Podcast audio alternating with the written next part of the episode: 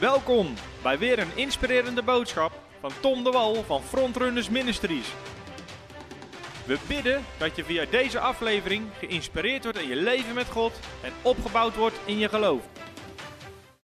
Oké, nou van harte welkom bij deze uitzending van Voice of Faith. En het thema wat we behandelen is genade en eeuwig leven. Genadig en eeuwig, genade, en- of nee, genade en heilig leven.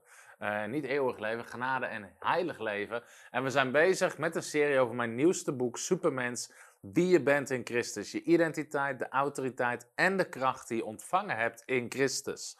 Nou, ik hoor gelukkig heel veel positieve reacties op dit boek. En ik denk dat voor heel veel mensen levensveranderend is, hun denken aan het vernieuwen is. En dat is ontzettend goed. Toevallig hebben we afgelopen weken een getuigenis online gezet van een van onze studenten van onze parttime bijbelschool, van Roxanne. Je kan het zien op ons YouTube-kanaal, ze een getuigenis, hoe zij genezen is van een stuk gebrokenheid en afwijzing in haar leven. Ze was geadopteerd, ehm, eh, samen met een broertje of zusje, wat was het? Of een broertje en een zusje? Eh, met een broertje. En eh, dat dacht ze in ieder geval. Later kwam, erachter dat, kwam ze erachter dat er gesjoemeld was met de formulieren. Dat dat ook geen familie van haar was. Ze wist niet wie ze was, waar ze vandaan kwam, et cetera. En daardoor liep ze eigenlijk toch wel met diepe wonden van afwijzing rond. En gewoon, wie ben je nou? En dat was, eh, ik had dit boek nog niet geschreven, maar ze kwam in ieder geval, is ze op een gegeven moment tot geloof gekomen samen met haar man. En ze kwam ons op de Bijbelschool terecht. En er waren drie dingen die haar geholpen hebben om die wond van afwijzing te overwinnen. Het eerste was onderwijs over wie je bent in Christus. Want onze echte identiteit vinden we niet in onze menselijke natuur. Want de Bijbel zegt dat van iedereen. Ook al, en ik snap natuurlijk, het is fijn om een goede ouders, huis, al die dingen te hebben, dat snap ik. Maar de Bijbel zegt dat onze eigen natuur, onze menselijke natuur van iedereen eh, is in de kern niet goed en heeft geen goede identiteit. Maar we moeten weten wie we zijn in Christus. Dat we geliefd zijn door een hemelse vader. Dat we bestemd zijn door een hemelse vader. Dat hij ons geheiligd heeft, gerechtvaardigd heeft, smetteloos voor hem geplaatst in de liefde. Dat we zijn kinderen zijn, dat we huisgenoten zijn. Al die dingen leerden ze en dat eh, bracht een verandering in haar leven. Vervolgens kreeg ze onderwijs over geloof op onze part- bijbelschool. Wat is geloof? Hoe werkt geloof? En dat je moet spreken tegen je berg. Jezus zegt in Marcus 11 dat je geloof hebt in je hart en je spreekt met je mond dat iedere berg zal wijken. Haar berg in haar leven was die wond van afwijzing en ze paste daartoe en ze gebood die afwijzing uit haar leven te gaan. En in diezelfde tijd kwam ze naar een bevrijdingsdienst bij ons, waar ze ook bevrijd werd. Soms kan er een geest van afwijzing, kan daar kan dan binnenkomen. En uiteindelijk haar hele leven is veranderd. Haar getuigenis staat nu op YouTube. Maar het begon met ontdekken wie je bent in Christus. Dus dat is een prachtig voorbeeld dat we weten wie we zijn in Christus. Nou, sommige van die dingen, iedereen heeft het nodig om te weten. Maar ik merk ook dat bepaalde thema's best wel gevoelig liggen. Ik heb een uitzending gedaan over het Koninkrijk van God. Wat is het Koninkrijk van God en hoe werkt het Koninkrijk van God? Nou, dan merk je, zo'n thema ligt best wel gevoelig. Omdat sommige mensen hebben een bepaald idee bij wat het Koninkrijk van God is en hoe het werkt. Maar het enige wat we in die uitzending doen is gewoon, wat zegt de Bijbel hier, hier, hier. Je loopt door de Bijbel heen en in één keer ehm, zie je dat sommige mensen hebben een, een idee wat hun aangeleerd is, maar wat eigenlijk niet gebaseerd is op het Jezus onderwijs over zijn Koninkrijk. Dan zie je dat dat soort thema's best wel gevoelig liggen. Hetzelfde merkte ik met het thema van vorige week. Vorige week hebben we behandeld dat we vrijgekocht zijn van de wet. Als je een nieuwtestamentische christen bent, je bent wedergeboren, ben je niet langer onder de wet van het oude verbond. Je bent onderdeel van het nieuwe verbond. Jij heeft ons vrijgekocht van de wet, zegt de Bijbel heel erg duidelijk. Maar ook dan merk je dat daar best wel een hoop weerstand op komt van mensen. En een van die dingen is, ja, maar hoe moet je dan heilig leven? Een ander idee is dat mensen zeggen, ja, maar de wet is toch voor eeuwig. Ik heb ook uitgelegd hoe Jezus ons vrijgekocht heeft. En dan ga ik zo meteen nog even heel kort doorheen lopen. Maar een van die vragen is, hoe moet je dan heilig leven? En heel veel mensen hebben een verkeerd beeld en een slap beeld bij het thema genade. Genade, ja, dan kun je me alles goed en het is een bedekking voor de zonde en al die dingen meer. Nou, dat is het helemaal niet. En daarom gaan we vanavond gewoon eens kijken, wat is dat? En daar gaan we het over hebben. Dus we gaan het hebben over leven onder genade en de kracht om heilig te leven. Nou, ik ga heel even samenvatten van de afgelopen tijd. We zijn een nieuwe schepping geworden. Alles is nieuw geworden, zegt Paulus. 2 Korinthe 5, vers 17. Het oude is voorbij gegaan. Dat betekent dat onze geest is wedergeboren, is opnieuw geboren. Onze geestelijke mens. De mens bestaat uit geest, ziel en lichaam. Als Paulus zegt dat alles is nieuw geworden, gaat het niet over je lichaam, gaat niet over je ziel. Daar zit je wil, je karakter, ehm, je denken in. Nee, je geest is alles nieuw geworden. Jouw geest is één geworden, wedergeboren met de geest van Christus. En we zijn nu met hem gekruisigd, met Jezus gekruisigd, met hem gestorven. Je oude leven is gestorven, met hem begraven. Je oude leven is achtergebleven in dat watergraf. Met hem levend gemaakt. We zijn opgestaan en we zijn met hem verheerlijkt. Wat betekent, Efeze 2, vers 6, we zijn gezeten met Christus aan de rechterhand van God. En we hebben de Heilige Geest van God ontvangen. Nou, dat is wie we zijn in Christus. En in Christus hebben we ook de identiteit van Christus ontvangen. Dus aan het kruis vond een omwisseling plaats. Jezus hing aan het kruis en de Bijbel leert ons, hij droeg daar onze zonde, hij droeg daar onze ongerechtigheid, hij droeg daar onze ziekte, hij droeg daar de vloek. Hij droeg alles wat de mensen hadden op dat moment, maar hij gaf ook alles aan de mens wat hij had. En Jezus gaf ons uh, zijn heiligheid, zijn rechtvaardigheid, zijn liefde. Hij gaf ons de zegen. Zijn striemen brachten ons genezing. Er vond daar een omwisseling plaats aan het kruis. En nu is onze wedergeboren mens is één gemaakt met Christus. Paulus zegt in Galaten 2 vers 20, niet langer ik leef, hij zegt, want toen Christus stierf, stierf ik met hem. Ik ben met Christus gekruisigd. Dus Paulus, die keek naar Jezus aan het kruis en hij zegt, ik ben met Christus gekruisigd. Hij stierf daar voor mij, hij droeg mijn zonde, mijn ongerechtigheid. Dus ik ben met Christus gekruisigd. Niet langer ik leef, zegt hij, niet langer mijn oude mens leeft, maar Christus leeft in mij. En het leven, zover ik het nu nog leef, leef ik in het geloof van de Zoon van God. Nu leef ik door mijn geloof. En zegt de Bijbel, de rechtvaardige zal wandelen en leven door geloof. Je leeft in vertrouwen op het offer, op het heilswerk van Jezus Christus. Halleluja, ik heb mezelf nu al blij gepredikt. Maar, zegt Paulus hierover, in Romeinen 6 vers 14, gaat dus eerst dat hele stuk is dus, we zijn met Christus gekruisigd, opgestaan, begraven, levend gemaakt uh, en verheerlijkt. En dan zegt hij aan het eind van het stuk: Want de zonde zal niet langer over u heersen. En dan staat er niet, want u zult zich heel goed houden aan de wet. Dat zegt Paulus niet. Waarom zal de zonde niet langer over u heersen? Dan zegt Paulus: U bent namelijk niet onder de wet. Nou, hier zijn heel veel christenen die staan nou te stijgeren. Ja, maar Paulus, we zijn toch onder de wet en de wet van Mozes is tot voor, toch voor eeuwig en het is een eeuwigdurend verbond. En Jezus zei, Ehm, weet je wel, uh, er zal geen, geen titel of jota van de wet afgedaan worden. En Paulus zegt, u bent niet langer onder de wet. Maar waar zijn we wel onder? Onder genade. Nou, hier zie je, en dat is alvast even een stap vooruit, maar genade is de sleutel voor een leven waar zonde niet langer over je heerst. Dus genade, en dat wil ik meteen aan het begin duidelijk maken. Ik geloof niet in een goedkope vorm van genade. Van joh, als je zondigt, maakt het helemaal niet meer uit. En weet je, het maakt niet uit wanneer we zondigen. Dat is nooit wat Paulus onderwijst over genade. Paulus onderwijst ons dat genade is de kracht om niet meer te zondigen. Dat is waar de nadruk van genade op ligt. En daar gaan we vanavond gaan we daar ook naar kijken.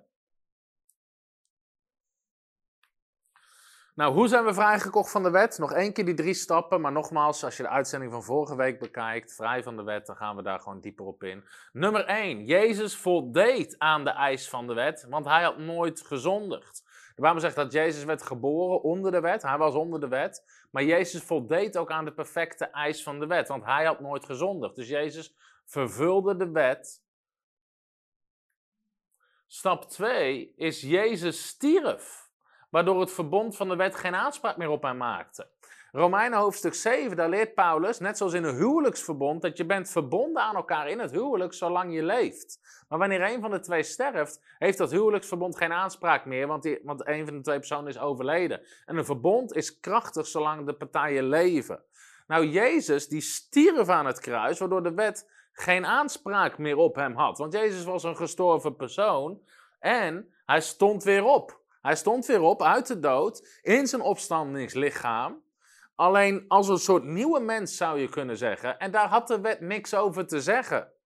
Maar dan is het wonder, door de wedergeboorte zijn wij in Christus. Is onze oude mens gestorven, onze oude natuur is gestorven, is met, is met Christus achtergebleven in het watergraf, leert Paulus ons. In het graf. En onze nieuwe mens, onze nieuwe schepping is één met Christus en daar maakt de wet geen aanspraak meer op. Daar maakt de, de wet geen aanspraak meer op. Nou, Jezus stierf dus, waardoor de wet geen aanspraak meer op hem maakt. Galaten 4, vers 4. Daar staat het nog één keer. Jezus was geboren onder de wet om hen die onder de wet waren vrij te kopen. Vrij te kopen. Dus Paulus zegt, u bent niet langer onder de wet. En Galaten hoofdstuk 4 zegt, u bent vrijgekocht. U bent vrijgekocht. Oké, even tot zover. En Paulus zegt dus, dit is de sleutel om een leven te leven waarin de zonde niet langer over je heerst. Dus dit is gewoon even een fundament. Als het goed is, heeft iedere wedergeboren christen, wanneer je echt wedergeboren bent. Ik heb het niet over als je naar de kerk gaat. Ik heb het niet over ik geloof dat God bestaat. Je kan naar de kerk gaan en niet wedergeboren zijn. Je kan geloven dat God bestaat, maar niet wedergeboren zijn. Zelfs de demonen geloven dat God bestaat. Dat, dat, dat zijn vormen van religie. Ja, ik ga naar de kerk. En sommigen zeggen, ik ga naar de kerk, dus ik ben een christen. Nee, nee, nee, dat hoeft niet. Ze zeggen ook wel, je kan ook naar McDonald's gaan, maar dan ben je nog geen hamburger. Het feit dat je ergens komt, maakt je nog niet per se tot iets. Het feit dat je gelooft, ja, maar ik geloof dat God bestaat. Oké, maar dat is, dat, er zijn heel veel mensen die geloven dat er een God bestaat.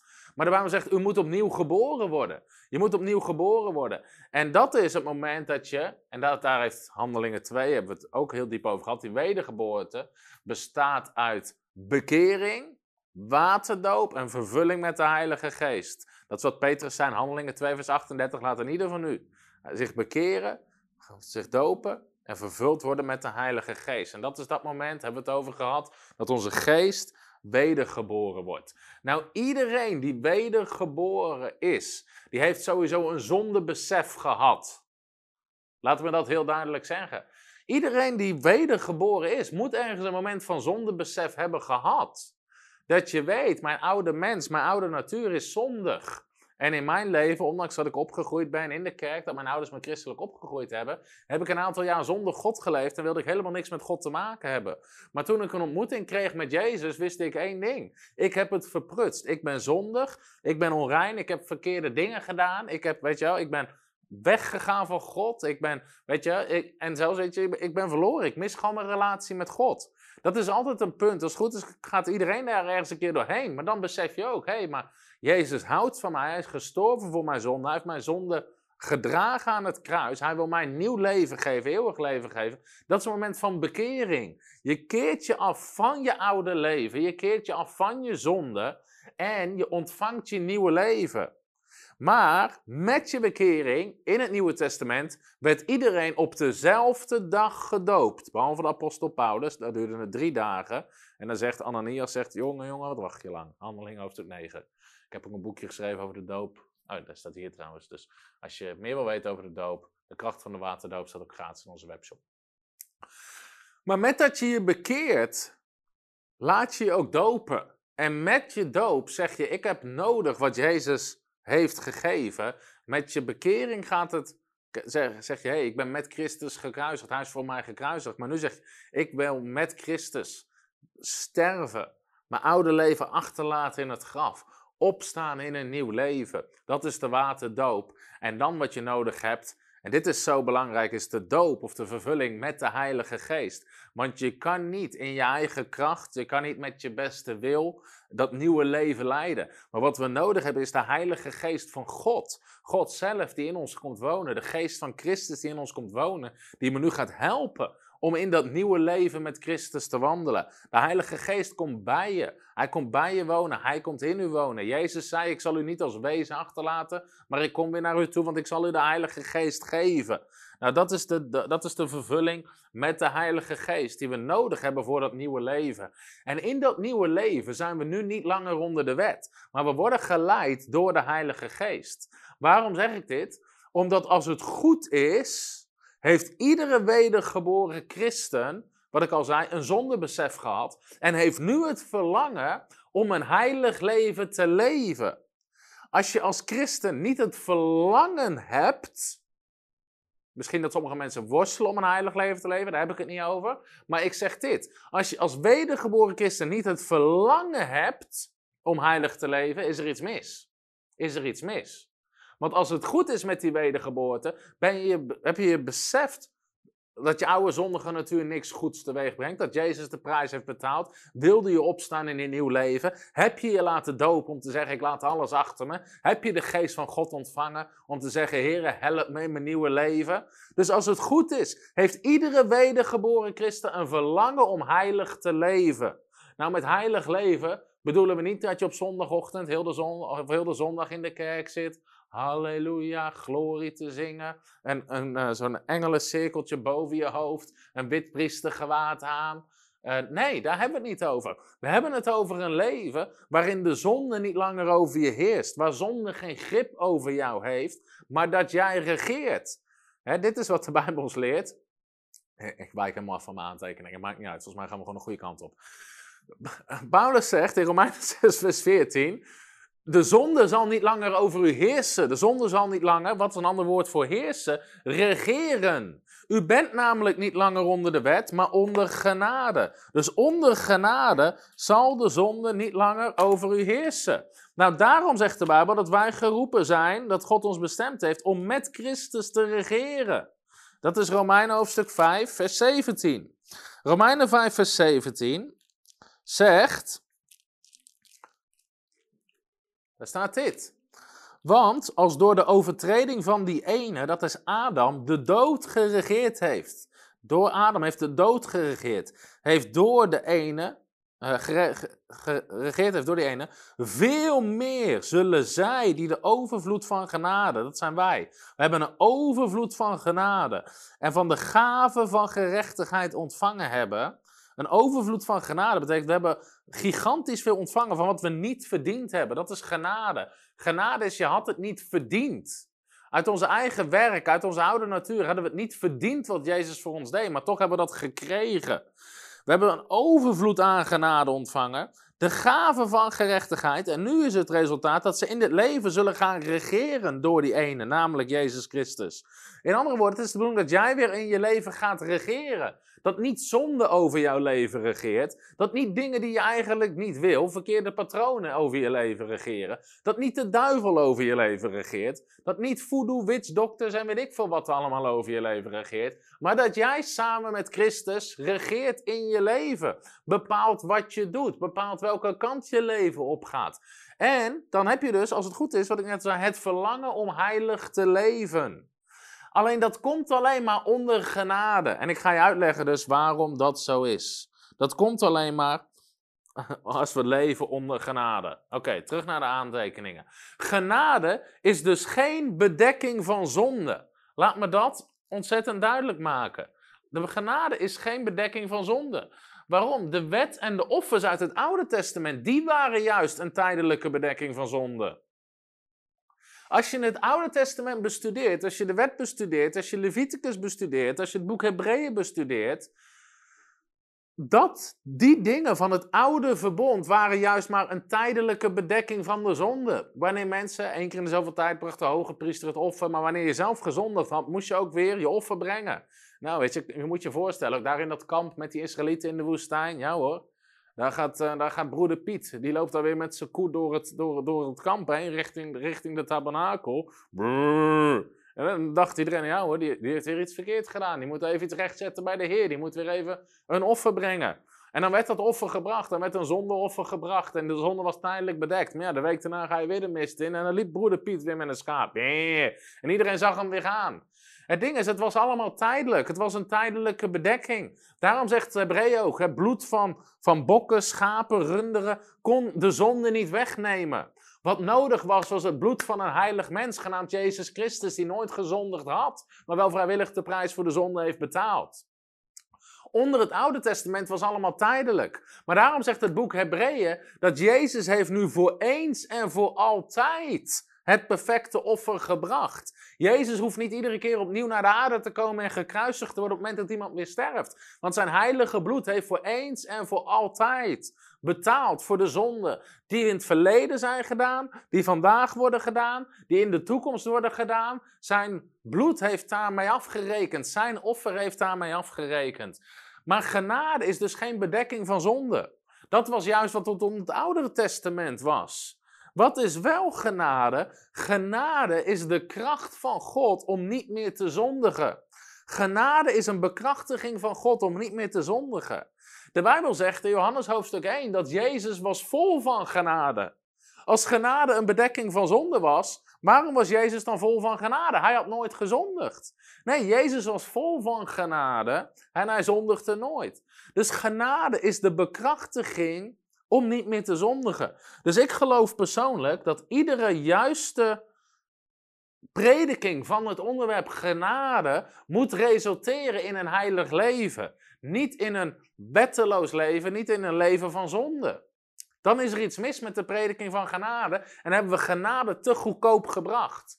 Want als je werkelijk beseft dat Jezus in genade heeft gedaan, dat hij de prijs heeft betaald aan het kruis, dat zijn bloed gevloeid heeft, dat hij dat heeft gedaan vanwege jouw zonde en ongerechtigheid, dan is elk verlangen naar zonde weg.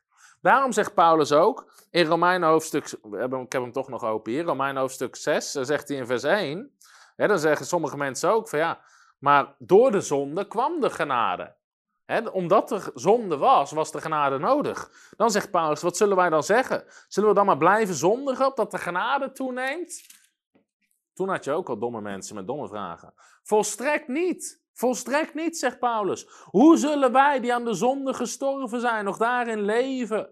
Of weet u niet dat wij die alle in Christus gedoopt zijn, in zijn dood gedoopt zijn? Je bent gestorven met Christus aan de zonde. De zonde zal niet langer over je heersen. Dus een goed begrijpen van genade zorgt ervoor dat je een verlangen hebt en de kracht krijgt om heilig te leven.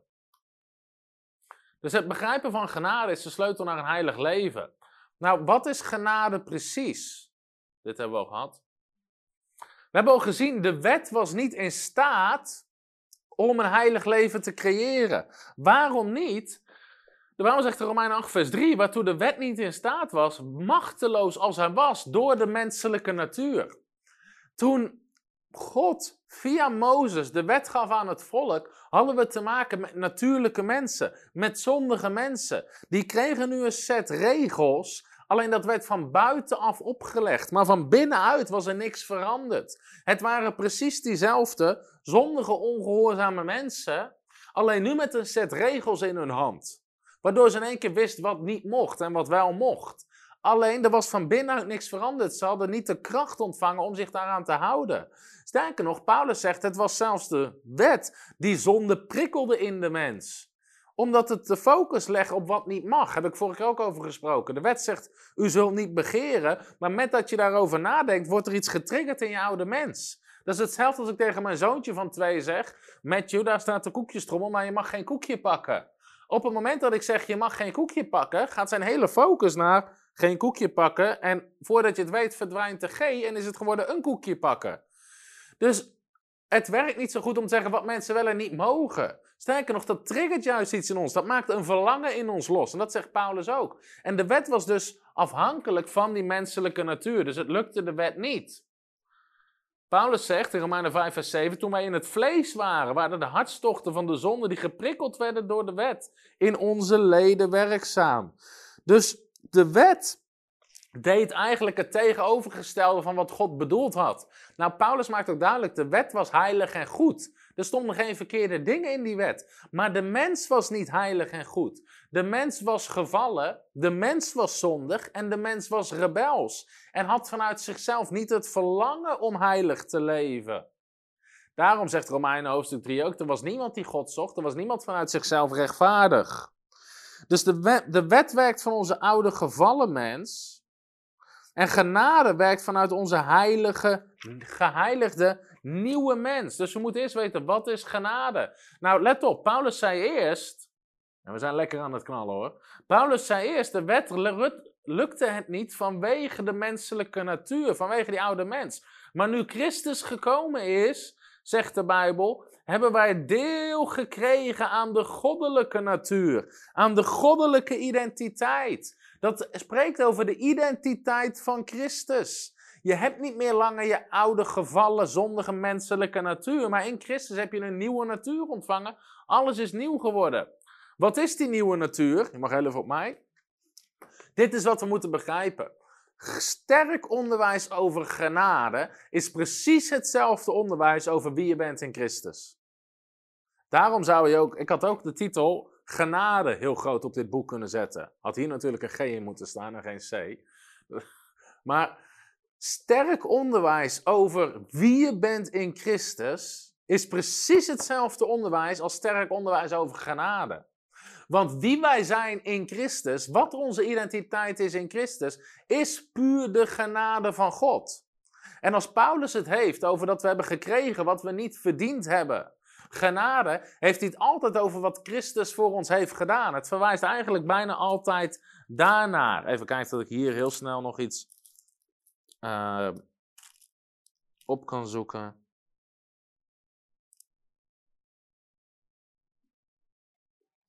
Ik kan die tekst niet zo heel snel vinden.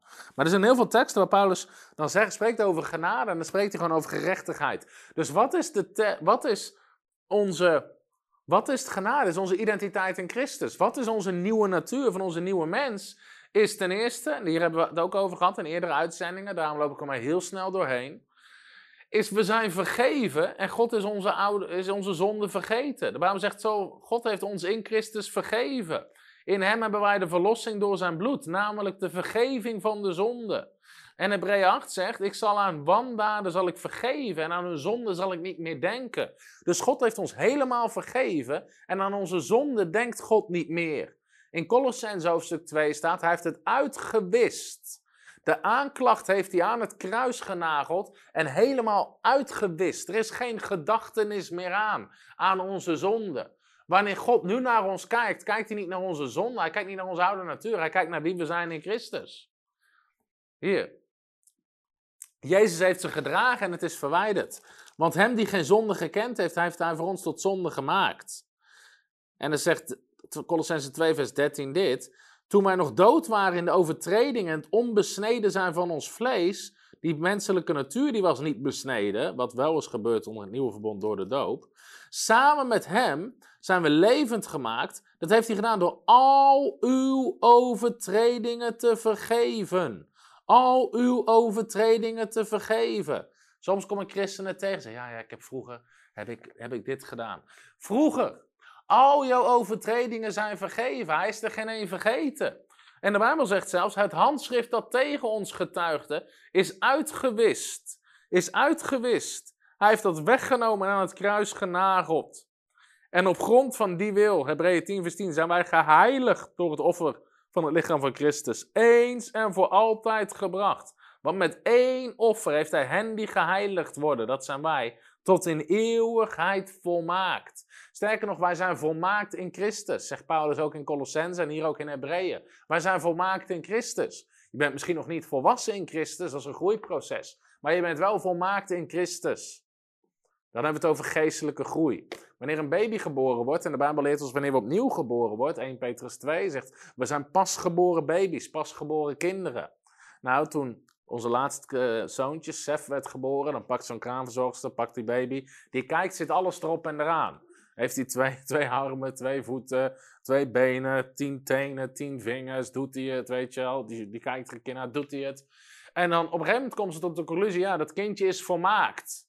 En dan geeft ze het dan, uh, of eerst de moeder krijgt eerst en daarna kijkt ze. Maar dan komt ze tot de conclusie, dat kindje is volmaakt.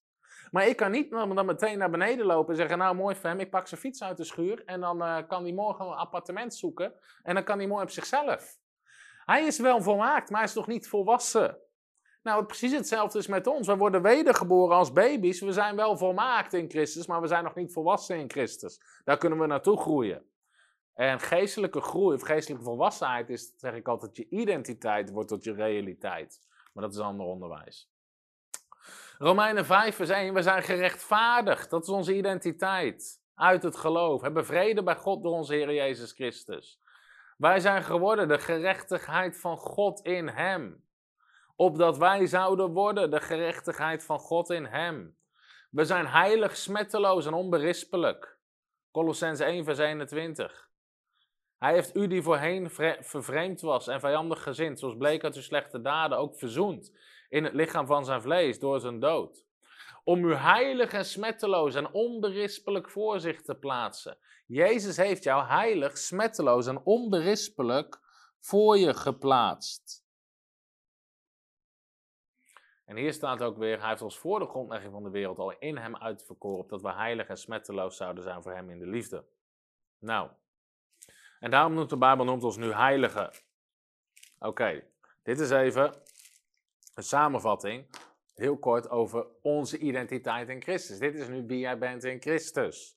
Jij bent met hem gekruisigd, met hem gestorven, met hem begraven, met hem opgestaan, met hem verheerlijkt. Je bent, daarom heb jij met hem, jij leeft met hem. Je hebt nu de identiteit van Christus ontvangen. Dat is jouw identiteit. De identiteit die Jezus had, heeft hij aan jou gegeven. Dat is de goddelijke natuur. En die is vergeven, verlost, gerechtvaardigd, geheiligd, smetteloos en volmaakt. Dat is wie jij bent. Dat is wie jouw geestelijke mens is. Dat is genade. Dat hebben we niet verdiend. Hebben we ook niks voor gedaan. We hebben alleen maar geloofd en ons vertrouwen gesteld op wat Hij heeft gedaan. Dat is genade. Dat is genade. Nou, nu. Jezus bracht ons genade en was vol van genade. Deze, heb ik al, deze tekst heb ik al gelezen. Maar de Bijbel zegt, of heb ik al genoemd, Johannes 1, vers 17. Want de wet is door Mozes gegeven. Maar de genade en de waarheid zijn door Jezus Christus gekomen. Dus hier zie je een duidelijke tegenstelling. De wet kwam door Mozes, maar genade en waarheid zijn door Jezus Christus gekomen. Nou, wat is zo belangrijk wanneer het gaat om een heilig leven? Dit is het verschil tussen de wet en genade. Onder de wet moest je ergens naartoe werken. Je moest naar een bepaalde heiligheid toewerken. Je moest proberen iets te bereiken. Dit wel doen, dat niet doen, dit wel doen, dat niet doen. En met een oude, gevallen, menselijke natuur probeerden ze ergens naartoe te werken, iets te bereiken. Maar het punt was, je bereikte dat nooit, want je maakt altijd fouten. Maar de, de wet werkt dus vanuit onze oude, gevallen, menselijke natuur en werkt ergens naartoe. Maar nu is genade gekomen. Die oude menselijke natuur is met Christus achtergebleven in dat watergraf. En nu is onze geest, heeft genade ontvangen. We hebben gekregen wat we niet verdiend hebben, maar we hebben het wel gekregen. We zijn vergeven. We zijn gerechtvaardigd, rechtvaardig verklaard. We zijn heilig verklaard. We zijn smetteloos. We zijn onberispelijk. En we zijn volmaakt in Christus. Nou, dat is radicaal, maar dat is wel wat we zijn. Daar hoeven we niet naartoe te werken. Heb je ook niks voor gedaan. Dat is gewoon wie je bent. Vanaf het eerste moment dat je wedergeboren wordt, is dat wie jij bent. Daar hoef je niks meer voor te doen. Kan je ook niks meer voor doen. En ga je ook niks meer aan veranderen. Dat is wie je bent. Nu hoef je dus ook nergens naartoe te werken. Nu mag je ergens vanuit gaan leven. Want je hebt het al. Je bent het al. En het is makkelijker om heilig te leven als je het al hebt en als je het al bent, dan dat je moet proberen ergens naartoe te werken. Bovendien ben je niet meer afhankelijk van je eigen kracht. Je hebt het al ontvangen en je hebt zijn identiteit en daar werk je uit. En dat is het grote verschil. Met de wet wacht je, dit mag ik wel doen, of dit moet ik doen, dat mag ik niet doen. En als ik dat doe, dan doe ik het goed en dan ben ik heilig en dan ben ik rechtvaardig. Maar onder genade weet je, ik ben heilig en rechtvaardig. En nu heb je zelfs dat verlangen om het goede te doen. Want Christus is voor jouw zonde gestorven. Je hebt je gedoopt en gezegd: Ik keer me af van mijn oude leven. Je bent opgestaan in een nieuw leven. En nu heb je vanuit jezelf het verlangen om het goede te doen. Niet omdat de wet het zegt, maar omdat Christus in jou woont. En je die nieuwe natuur hebt, zit in jou het verlangen om het goede te doen. En je werkt daarvan uit. En dat is het grote verschil tussen genade en de wet. Tussen genade en de wet. Dus daarom zeg ik ook in mijn boek: onder het nieuwe verbond worden we aangespoord om door de kracht van de geest in onze nieuwe mens de verlangens van de oude mens te overwinnen en in Gods volmaakte liefde te wandelen. Want wat we nu gaan doen, kijk, genade leert jou. Genade leert jou iets, zegt de Bijbel. Laten we deze tekst eens lezen. Titus 2, vers 11. Titus 2, vers 11. Want, staat hier, de zaligmakende genade van God is verschenen aan alle mensen. De genade van God is verschenen aan ons. En leert ons, genade leert je iets. En dan staat er niet, en leert ons maar te zondigen, want het maakt toch niet uit. Nee, wat leert genade jou? Genade leert ons de goddeloosheid en wereldse begeerten te verlogenen en in deze tegenwoordige wereld bezonnen, rechtvaardig en godvruchtig te leven. Dat is wat genade je leert. Dus genade leert je iets. als je kijkt naar het leven van Christus, als je kijkt naar wie Jezus is, als je kijkt naar zijn heiligheid, zijn rechtvaardigheid, en je beseft, ik heb die identiteit ontvangen, en dan heb je datzelfde verlangen. Dat is wat genade jou leert. Genade zorgt ervoor dat jij dat ook wil. Dus, waar je nu onder het nieuwe verbond leeft, is door de kracht van de geest. En daarom zegt Paulus dat we door de kracht van de geest die oude mens overwinnen. Die oude verlangens, wat misschien nog in onze ziel zit, in onze denkpatronen, in onze gewoontes, in al die dingen. Daarom zegt hij wel, je moet je denken vernieuwen. En, ehm, en je voedt jezelf met het woord van God. Je wordt sterker, je laat jezelf leiden door de Heilige Geest. En daardoor overwin je die verlangens. Daardoor overwin je zelfs die, uh, die, uh, die, die, die kwade of slechte verlangens of wat daar ook mag zitten. En even kijken hoor. Dit is dus het verschil. Even nog een keer. De wet werkt van buiten naar binnen. De wet werkt van buiten naar binnen. Je krijgt een stel regels van buiten naar binnen. En het was afhankelijk van je oude natuur. Maar genade werkt van binnen, je nieuwe natuur, naar buiten. Genade werkt van binnen naar buiten. En, en werkt dus met die nieuwe natuur, niet met die oude natuur. Nou, als we even, even terug naar Romeinen hoofdstuk 5, hebben we net gelezen. Paulus zegt, we zijn gerechtvaardigd in Christus, nu gaan we regeren met Christus. Paulus zegt, Jezus heeft dat gedaan omdat er zoveel zonde was. Dan zeggen de mensen, oh, moeten we dan nog meer zondigen, dan komt er nog meer genade. Dan zegt Paulus in Romeinen 6, nee, volstrekt niet. Want weet u niet dat u gestorven bent met Christus, opgestaan bent met Christus, je oude leven achtergelaten is? Dat is Romeinen hoofdstuk 6. Ik loop even met je in de hoofdlijnen door een paar hoofdstukken Romein heen. Dan zegt hij uiteindelijk, uh, de zonde zal niet langer over u heersen, want u bent niet meer onder de wet, maar onder genade. Dan legt in Romeinen hoofdstuk 7, zie je, soms is het goed om de grote lijnen te zien van het woord van God. Dan legt Paulus uit in Romeinen hoofdstuk 7 dat de wet alleen maar zonde triggerde en afhankelijk was van die oude natuur. Dat de wet op zich wel goed was, de wet was heilig en rechtvaardig, maar onze oude natuur niet. En het spoorde ons tot het verkeerde aan. Dan zegt Paulus, uh, ook in Romein hoofdstuk 7, ja, maar hoe, kan, hoe komen we dan uit onder dat verbond van de wet als, als iemand sterft? Maar Christus is voor ons gestorven. En dat is ook de bekende zin dat Paulus zegt: Ik ellendig mens, wie zal mij verlossen? En nou, dat, vinden sommige mensen een lievelingstekst. Oh, oh, oh, ik ellendig mens. Maar Paulus stelt een vraag en dan zegt hij: Ik dank God voor Jezus Christus. En dan begint hij dus dat Jezus Christus voor ons gestorven is, dat we daardoor vrijgezet zijn vanuit de wet. En dan gaat hij in Romein hoofdstuk 8 gaat hij uitleggen dat we heilig leven. Dat we heilig leven, dat is het thema van deze uitzending, maar ik schets even het Bijbelse kader. Niet omdat de wet het van je vraagt, maar omdat je nu de identiteit en de geest van Christus hebt ontvangen en het daarom graag wil. Daarom graag wil. Daarom begint Paulus in Romein hoofdstuk 8 vers 1. Dan zegt hij, er is geen veroordeling meer voor hen die in Christus Jezus zijn. Daar is geen veroordeling meer. Maar ze hebben nu de geest ontvangen, waardoor ze zelf heilig willen leven. We gaan even een stukje lezen, Romeinen 8 vanaf vers 5.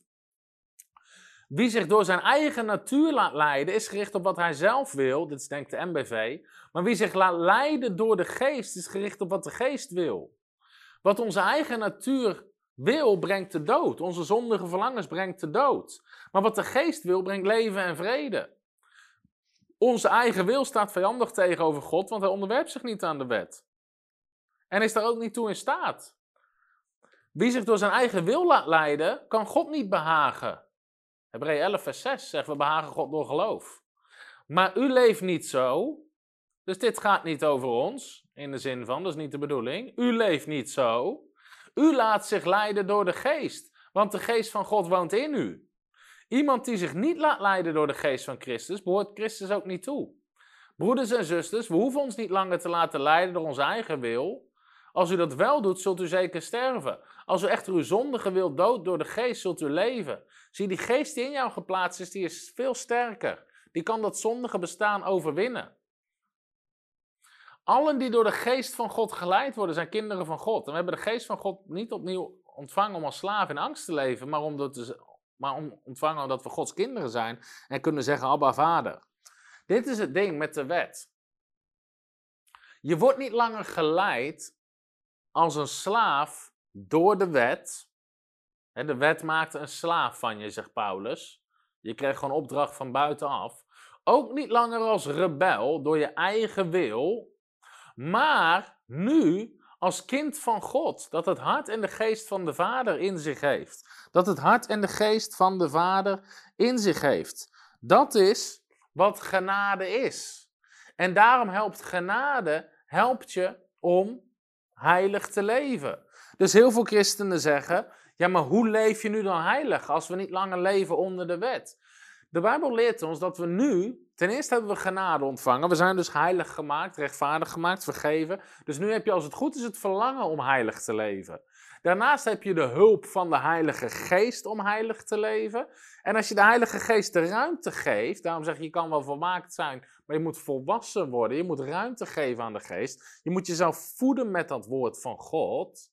Dan wordt jouw geestelijke mens, die wordt sterker en sterker en die overwint die verlangens van die natuurlijke mens. Het, een beetje hetzelfde als je twee honden zou hebben, allebei een apart hok. Als je, welke wordt het sterkst? Ligt eraan welke het meeste eten geeft. Zo is het ook met ons leven. Als we onze oude natuur maar blijven voeden met allemaal oude patronen. Nou, in, in, in theorie is die oude natuur die is dood. Die is met Christus in het watergraf achtergebleven. Met opgestaan in een nieuw leven. Maar onze ziel, onze wil, ons denken, ons karakter is nog hetzelfde. Waarom zegt de Bijbel, je moet je denken vernieuwen? Dus, maar als wij maar onze oude natuur blijven voeden, net zoals een hond, dan wordt hij op een gegeven moment gewoon sterker. Maar daarom moet je, dat ding moet je niet voeden, maar je moet je nieuwe natuur voeden. Dat is wat Petrus zegt, dat we verlangen naar het woord van God, want dat is onze voeding. Dus een sleutel naar een heilig leven is ook gewoon je veel voeden met het woord van God. En dat werkt stukken beter dan programma's zoals Ex on the Beach en wat heb je allemaal? Temptation Island en goede tijden, slechte tijden en, en weet ik veel wat je allemaal hebt. 1 Petrus 2 zegt, leg dan af alle slechtheid, alle bedrog, huichelarij, afgunst en alle kwaadsprekerij. En verlang vurig als pasgeboren kinderen naar de zuivere melk van het woord, opdat u daardoor mag groeien. Opdat u daardoor mag groeien. Dus het ene moeten we afleggen, maar wat moeten we doen? We moeten ons voeden met het woord van God. Een baby wat, die net geboren is, die krijgt melk, opdat hij mag groeien. Nou, wij hebben ook melk nodig, maar we hebben nodig de melk van het woord van God. We hebben nodig dat we onszelf vullen met wat God zegt. En dat, dat we hierin lezen, wat is het hart van God? En dat we daaruit gaan leven. Nou, je hebt het al ontvangen. Je bent heilig, rechtvaardig, al die dingen meer. Maar nu begin je, die geest begin je te voeden als het ware. Die geestelijke mens begin je te voeden. En de mens bestaat uit drie onderdelen. Geest, ziel en lichaam. Nou, onze lichamelijke mens voeden we heel de dag door. Weet je, we hebben drinken, je drinkt, uh, je eet drie, vier keer per dag, tussendoortjes. Die lichamelijke mens, die voed je. Die zielse mens, die voed je, je ziel. Weet je, mensen die, die doen van alles met hun denken, met relaties om zich heen. Ze zijn bezig met hun zielse mens. Met gewoon de menselijke kant. Die gaat om ons denkvermogen, relaties, al die dingen meer. Als we die niet zouden voeden, gaat het heel snel slecht afwaarts. Daarom zie je vaak dat mensen die met pensioen gaan, dat die soms heel hard achteruit gaan, omdat die zielse mens niet meer gevoed wordt. Ze worden niet uitgedaagd in hun relaties, ze gaan er geen nieuwe relaties aan met mensen. Ze hoeven hun denkvermogen minder te gebruiken. En met dat je het minder gebruikt en minder uitgedaagd wordt en dus minder voedt, neemt dat af. Maar we hebben ook een geestelijke mens. En dat is eigenlijk de belangrijkste. En dus die moeten we eigenlijk nog meer voeden als die andere twee. Willen we dat die geestelijke mens sterk wordt in ons leven? En dat is een grote sleutel naar, naar leven met God. Hoe leef je nu heilig? Ten nummer 1, je bent gerechtvaardigd en geheiligd. Dat is het verlangen. Je vertrouwt niet meer op je menselijke natuur, je eigen kracht, maar je gelooft in je nieuwe natuur en de kracht van de Heilige Geest. En vervolgens zegt de Bijbel dat we wandelen in liefde waarmee we de hele wet vervullen. Nou, laten we eens een belangrijk stuk onderwijs hierover gaan lezen. En dat is namelijk Galaten. Want in Galaten spreekt Paulus namelijk over, we hebben de Heilige Geest ontvangen. En als het goed is, gaat de Heilige Geest gaat iets in je leven doen.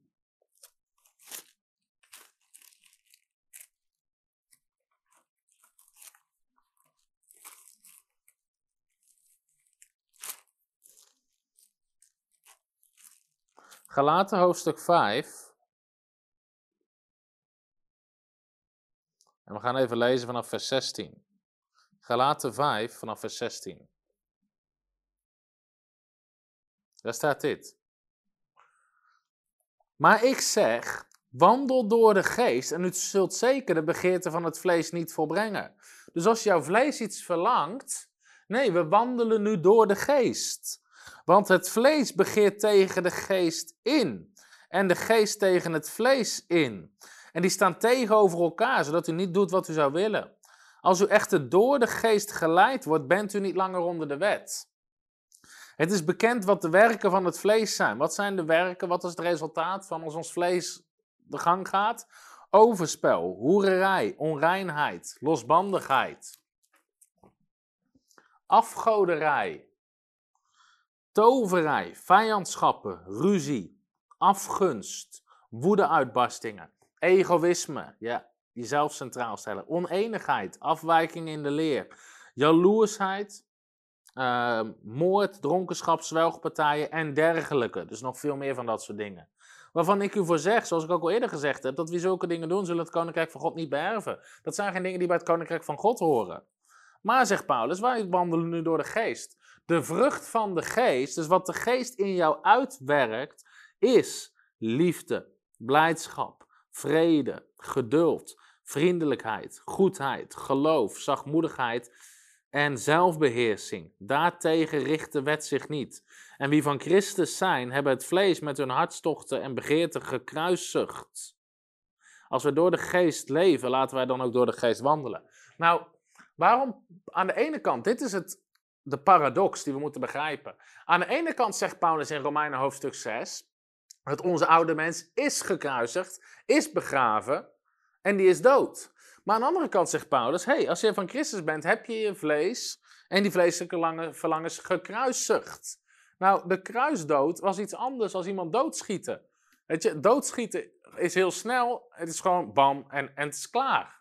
Maar de term die Paulus gebruikt om van onze vleeselijke patroon af te komen, is de term kruisigen. Nou, wat was de kruisdood? De kruisdood was ten eerste een langzame dood, maar uiteindelijk stierf iemand aan verstikking. Normaal gesproken en ik ga niet heel op een hele gruwelijke manier vertellen hoe mensen die gekruisigd werden omkwamen. Maar uiteindelijk stikten ze. Ze stikten. Want ze hadden uh, spijkers door hun benen, door hun handen. Ze moesten zichzelf constant optrekken om adem te kunnen halen. En uiteindelijk geeft je lichaam dat op, je bloed, et cetera. En je stikt of in je eigen bloed of je kan geen adem meer halen. Dus uiteindelijk was het verstikking. Het was een uitputtingsslag. Nou, ons vlees zullen we soms moeten uitputten. Bepaalde verlangens die daar kunnen zitten van voor onze wedergeboorte. Sommige dingen zijn we in één keer vanaf. Maar sommige dingen, uh, dat zullen we moeten uitputten. en dat kan voor iedereen anders zijn. Iemand die bijvoorbeeld voor zijn bekering zwaar verslaafd is geweest, kan een struggle hebben daarmee en kan daar nog steeds door verleid worden. Nou, ik heb geen, ik heb geen drugsverslaving gehad voor mijn bekering. Dus als iemand bij wijze spreken cocaïne voor mij op tafel zou leggen, doet dat niks met mij. Ik heb totaal geen verlangen naar daarna. Ik weet niet, ik weet, ik weet niet wat, wat het doet met je lichaam, hoe je erop reageert. Dus, dus dat triggert niks in mij. Maar dat kan wel iets triggeren in iemand anders, ondanks dat hij wedergeboren is. Maar daarom moeten we onze geest laten regeren. Want de vrucht van de geest is zelfbeheersing. Is dat we onszelf kunnen beheersen. En daarvoor moeten we de geest ruimte geven. En moeten we dus constant nog steeds keuzes maken. Nou, die keuzes maken we soms in geloof. En daarom vind ik het onderwerp geloof zo belangrijk. Want wat is geloof? Geloof is niet afhankelijk van je gevoel. Vorige week deed iemand bij ons de uitspraak op het kantoor: gevoel hou je smoel. maar geloof is niet afhankelijk van je gevoel. Dus of ik het nou voel of niet, ik word niet geleid door mijn gevoel, ik word geleid door wat ik geloof. Ik ga zo meteen een voorbeeld geven uit mijn eigen leven. Romeinen hoofdstuk 5, vers 5. Dit is zo'n ontzettend krachtige tekst. Die zou iedereen uit zijn hoofd moeten kennen. Op je rug tatoeëren. Sorry, dat bedoel ik niet. Heeft toch geen zin, ik kan hem zelf niet lezen. Maar... Dan moet ik binnenkort weer een vraag aan Tom beantwoorden. Wat vindt jij van tatoeages? Ik heb geen tatoeages. Romein hoofdstuk 5, vanaf vers 5. Daar staat dit. De hoop beschaamt niet, omdat de liefde van God in onze harten uitgestort is door de Heilige Geest. Ik ga er gewoon nog even een rondje omheen zetten. Die, in ons hart uitgestort is door de Heilige Geest. De liefde van God is uitgestort in jouw hart door de Heilige Geest. De Heilige Geest woont in jou, daardoor woont de liefde van God in jou, of je het nou voelt of niet. En nu moeten we de keuze maken om te wandelen in liefde. Om te wandelen in liefde. Nou.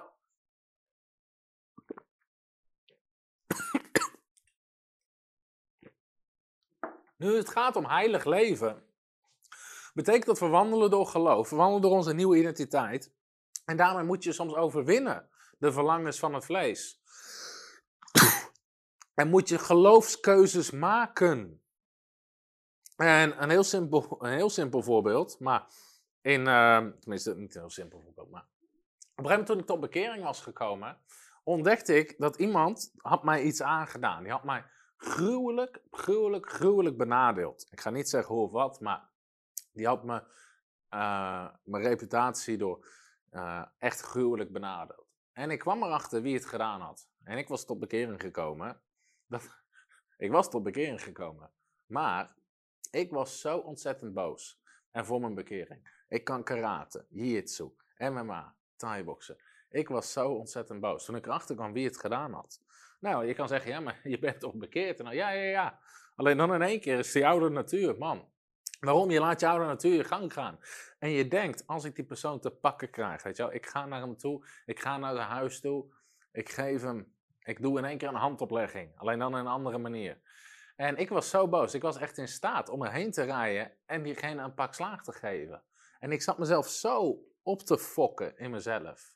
En op een gegeven moment stond ik op het punt om naar mijn deur toe te lopen en naar diegene toe te gaan. En met dat ik de deurklink vasthoud, hoor ik de stem van de Heilige Geest die tegen me zegt: Tom, ik hou net zoveel van hem als van jou.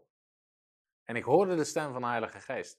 En met dat ik de stem van God hoor, breek ik en begin ik te huilen en vraag ik God vergeving om wat ik wilde doen. Ondanks dat wat hij gedaan had nog steeds helemaal, um, helemaal fout was. Maar ik, ik vroeg gewoon vergeving. Sorry, dit is niet goed. Waarom? Dit is niet de vrucht van de geest. De vrucht van de geest is liefde, vrede, zelfbeheersing, geduld, goedheid. Nou, wat ik wilde doen daar, iemand op zijn neus timmeren, had niks te maken met liefde, niks met zelfbeheersing, niks met goedheid, had daar niks mee te maken. En dan maak je een geloofstatement. Een geloofstatement. En een van de eerste dingen die ik altijd doe is dan, Heer, ik kies ervoor in geloof om deze persoon te vergeven. Heb ik zin om hem te vergeven? Nee. Voel, het, voel ik me alsof ik hem wil vergeven? Nee. Voel ik de liefde van God in mijn hart? Nee, verre van dat. Maar nu maak ik een statement in geloof. Want de Bijbel zegt: de liefde van God is uitgestort in mijn hart. En de Bijbel zegt: vergeef mensen. Dus nu zeg ik gewoon: Heer, ik vergeef het en laat los. En dan in plaats van dat je doorgaat in je vlees, ergens moet je jezelf soms een halt toeroepen. En dat kan met verschillende dingen in, dat leven, in je leven, kan dat zo zijn. Dat je merkt, hé, hey, ik heb hier ergens een patroon of ik heb iets wat hier zit. En bij mij was dat van vroeger, was dat agressie. En in één keer moet je zeggen, hé, hey, dat is niet wat past bij mijn nieuwe natuur. Dat, was niet, dat is niet wat past bij mijn nieuwe natuur. Zo moet je bepaalde dingen uh, overwinnen. En bijvoorbeeld na mijn, uh, voor mijn bekering dronk ik best wel behoorlijke hoeveelheid alcohol. En ik wist gewoon van, joh, dat dat blijft in, zeker in die beginperiode, blijft dat een zwak punt. Dus ik maakte toen gewoon een, gewoon een radicale keuze. Ik drink niet meer. En dan kom je altijd een discussie, is, is, is alcohol verboden? Ik geloof van niet. Maar voor toen was dat voor mij gewoon de juiste keuze. En dat vraagt inderdaad dan een keuze. Maar dat is ook je oude natuur kruisigen. Soms komen mensen naar mij toe en zeggen, ja, ja, ik ben verslaafd aan mijn tv. Wat moet ik ermee doen? Gooi het ding weg. Gooi het ding gewoon weg. Doe hem gewoon weg. Ga thuis, ga thuis Bijbel lezen. Ga bijbelschool.tv volgen. Maar gooi dat ding gewoon weg. Al merk je, ik ben daar verslaafd aan. Ja, ja, ik ben ook verslaafd aan series en weet je, ik vul daar toch mijn tijd mee. Het heeft niet altijd goede invloed. Zeg je Netflix-account op. Zeg je, wat heb je, Amazon Prime, Videoland, Disney, Nickelodeon, Catnet Croquet, Amazon, wat je ook hebt. Zeg het ding op. Stop ermee. Als dat iets is in je leven wat geen goede vrucht voorbrengt, durf daarin radicale keuzes te maken. Ga niet iedere week naar voren om gebed te vragen. Al vraagt het gewoon één knop op, uh, één klik op de knop. Om te zeggen opzeggen, stop ermee. En vervang het met iets anders. Vervang het met iets anders. Nou, je hoeft het niet te doen in eigen kracht. De geest van God wil je helpen, maar je moet hem wel de ruimte geven om hem te helpen. Nou, ik heb ontzettend vaak ook mensen gehad die.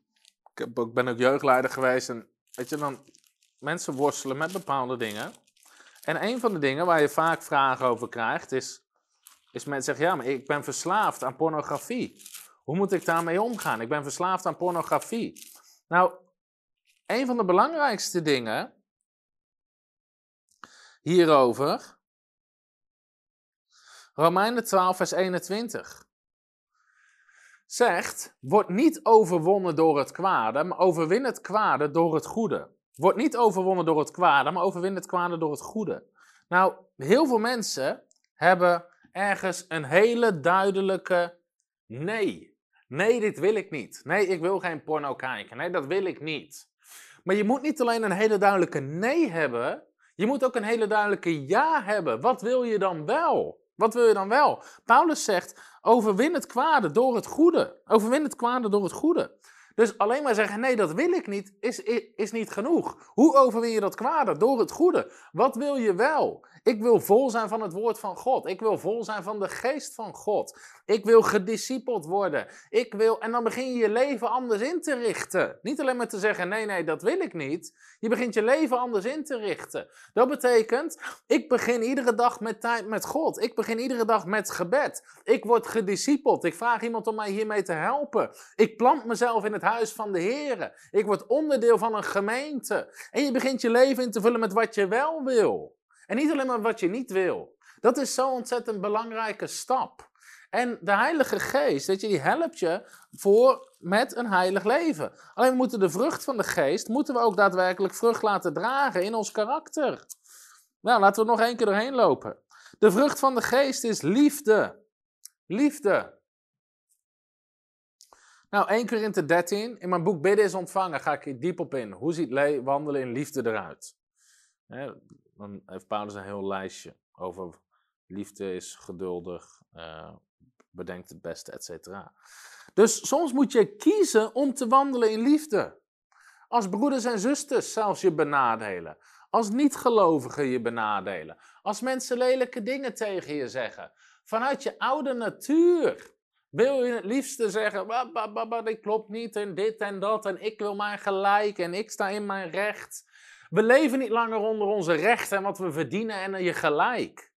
Weet je, ik hoorde ooit een prediker zeggen, ik snap dat dit heftig is voor sommige mensen, maar goed, daar hou ik wel van. Soms zeggen christen in het Engels, it's my right. Hij zei, en dan zegt hij, do you want your right? Go to hell, that's your right. Het enige waar wij recht op hebben vanuit onze oude natuur is de hel, is eeuwig verloren. Maar we leven niet langer door ons recht, we leven door genade. We leven door genade, we hebben gekregen wat we niet verdienen. Stop met je recht, stop met egoïsme, stop met ik, ik, ik. Ja, ook al benadelen mensen je, ook al liegen ze over je, al die dingen. Kies om te wandelen in liefde en zeg, vader, ik vergeef ze, ze weten niet wat ze doen. En ik weet ook dat het liefst wil je opstaan en zeggen, maar dit klopt niet en dat klopt niet. Hoe denk je dat het soms voor mij is in bediening? Het hele internet staat vol met dingen over mij geschreven die gewoon niet kloppen, die gelogen worden, die verzonnen worden. Het liefst vanuit je eigen natuur wil je je gelijk gaan halen, wil je je verdedigen, zeggen dit klopt niet en dat klopt niet en dat slaat nergens op en dat is verzonnen en ze liegen en bedriegen. Van heel veel van die dingen heb ik gewoon bewijs staan dat het niet klopt op mijn telefoon of waar dan ook. Maar dat is niet hoe we leven onder genade. Nu kiezen we om te wandelen in liefde, zeggen vader we vergeven ze. We weten niet wat we doen. We weten niet wat we doen. Ze weten niet wat ze doen. En ik kies ervoor om te wandelen in liefde. En liefde is niet hoogmoedig. Liefde is niet opgeblazen. Liefde zegt niet, hé, hey, kijk, mij eens gelijk hebben. Liefde kiest de laatste laagste weg. En soms laat liefde zich beledigen en al die dingen meer. En het is niet leuk. Nee, dat is ook niet leuk. Maar het vormt wel je karakter. En het, net zoals het karakter van Christus. En dat is, iets, dat is een proces wat de geest van God in je wil doen. De vrucht van de geest is liefde, blijdschap. Blijdschap. Ben je altijd blij? Maar Paulus zegt, verheug jezelf in de Heer in Filippenzen. Het is een keuze om blij te zijn. Het is een keuze om blij te zijn. Vrede. Ik wandel gewoon in vrede. Dit is ook een keuze die ik heb gemaakt. Ik wandel in de vrede van God. Ik ga niet mee in paniek. Ik ga niet mee in ruzies. Ik ga niet mee in felle discussies. Soms willen mensen ergens bijtrekken. Kom, kom hier, zeg hier iets over, vind hier iets over. Allerlei mensen in paniek. Weet je, je ziet mensen hoog in hun emoties zitten.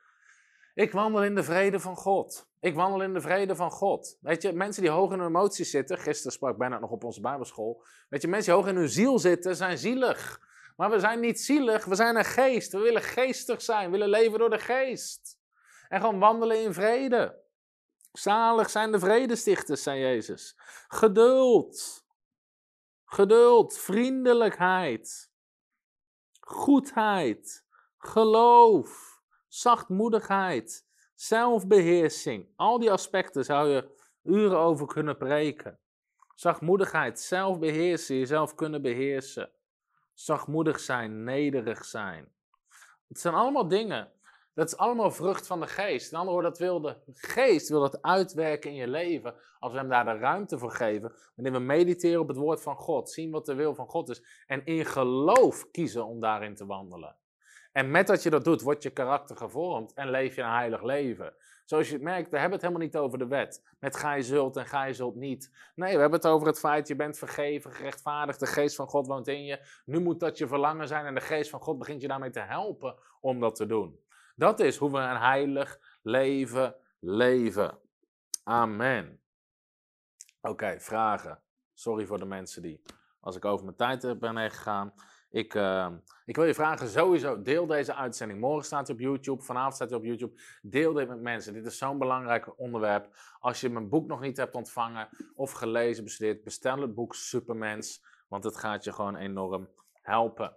En op bijbelschool.tv staat onze hele part-time bijbelschool. Wil je meer van dit soort onderwijs, waar ik het vanavond ook over heb gehad, wil je constant je geloof voeden, je geestelijke mensen voeden, maak een account dan op bijbelschool.tv, waardoor je constant gevoed wordt met het woord van God.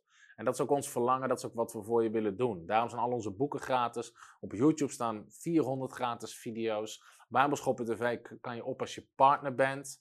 Uh, dat je kan onze Bijbelschool ook gewoon gratis volgen als je dat wil, maar dat is hier gewoon fysiek in Werkendam. Begint vanaf januari weer een nieuwe lichting. Maar anders, sowieso wil ik je uitnodigen. Word partner van Frontrunners als je dat nog niet bent. Help ons mee om nog veel meer mensen te bereiken met deze prachtige boodschap. En ze toe te rusten om effectief en krachtig te zijn in het Koninkrijk van God. Dus als je nog geen partner bent, word partner van Frontrunners. Je kan de QR-code scannen of ga naar www.frontrunnersministries.nl slash partners en, of slash partner. En als je partner wordt vanaf 25 euro of meer per maand, dan kan je ook bijbelschool.tv, kan we een hele part-time bijbelschool volgen, drie jaar bijbelschool, wat gewoon constant je geloof bouwt en voedt. En natuurlijk kan je ook op andere manier, manieren geven. Je kan een eenmalige gift geven. Je kan je tiende geven. We hebben een tiende rekening op onze website staan. Als je gewoon mee wilt bouwen, kan dat op allerlei verschillende manieren. Oké, laten we eens kijken of er nog vragen zijn. Hallo, Tom de Wol hier en bedankt dat je weer geluisterd hebt naar onze podcast. Ik bid dat het je geloof gebouwd heeft en je bemoedigd bent. Als je niet alleen een luisteraar van onze boodschap wil zijn, maar ook een verspreider daarvan, wil ik je uitnodigen om partner te worden van Frontrunners. Door jouw maandelijkse donatie help je ons om dit evangelie van Jezus Christus en het woord van God over heel de aarde te brengen. Om partner te worden, ga naar www.frontrunnersministries.nl slash partners en word partner. Hartelijk bedankt en tot snel. Heb je ook zo genoten van deze inspirerende boodschap van Tom de Wal? Abonneer je dan op deze podcast. Volg ons op Facebook en op Instagram en kijk op onze website frontrunnersministries.nl.